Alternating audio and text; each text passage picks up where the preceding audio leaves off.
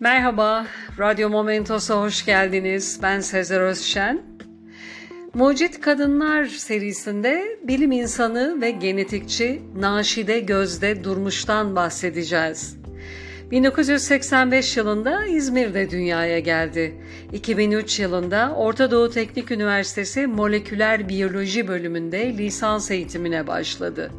Fulbright bursunu kazanarak yüksek öğrenim için Amerika Birleşik Devletleri'ne gitti. 2014 yılında Stanford Üniversitesi'nde doktora sonrası araştırmacı olarak göreve başladı. İnsan Genom Projesi'nin yürütücülerinden biri olan Profesör Ronald Davis ile bir beraber araştırmalarını Stanford Üniversitesi Genom Teknoloji Merkezi'nde sürdürmektedir. Hücrelerin manyetik özelliklerinden faydalanarak hastalıklı hücreleri tespit edebilen bir cihaz üzerinde çalışmaktadır. 2015 yılında MIT Technology Review dergisinin her sene seçtiği 35 yaş altı yenilikçiler listesinde tıp ve biyolojide çığır açan 35 liderden biri olarak seçilmiştir.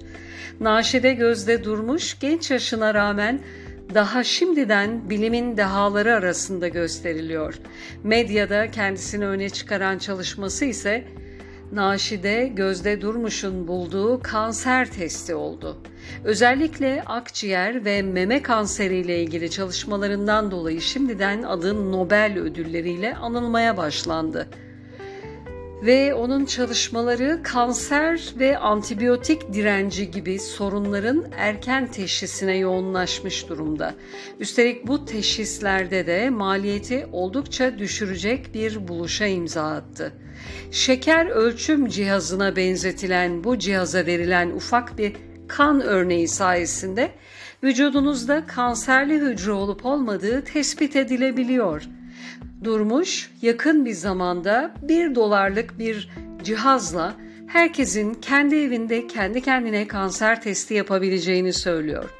İcat edilen bu mikroçip teknolojisi sayesinde kanserde erken teşhis mümkün olacak ve belki de kanser artık korkulan bir hastalık olmaktan bile çıkacaktır.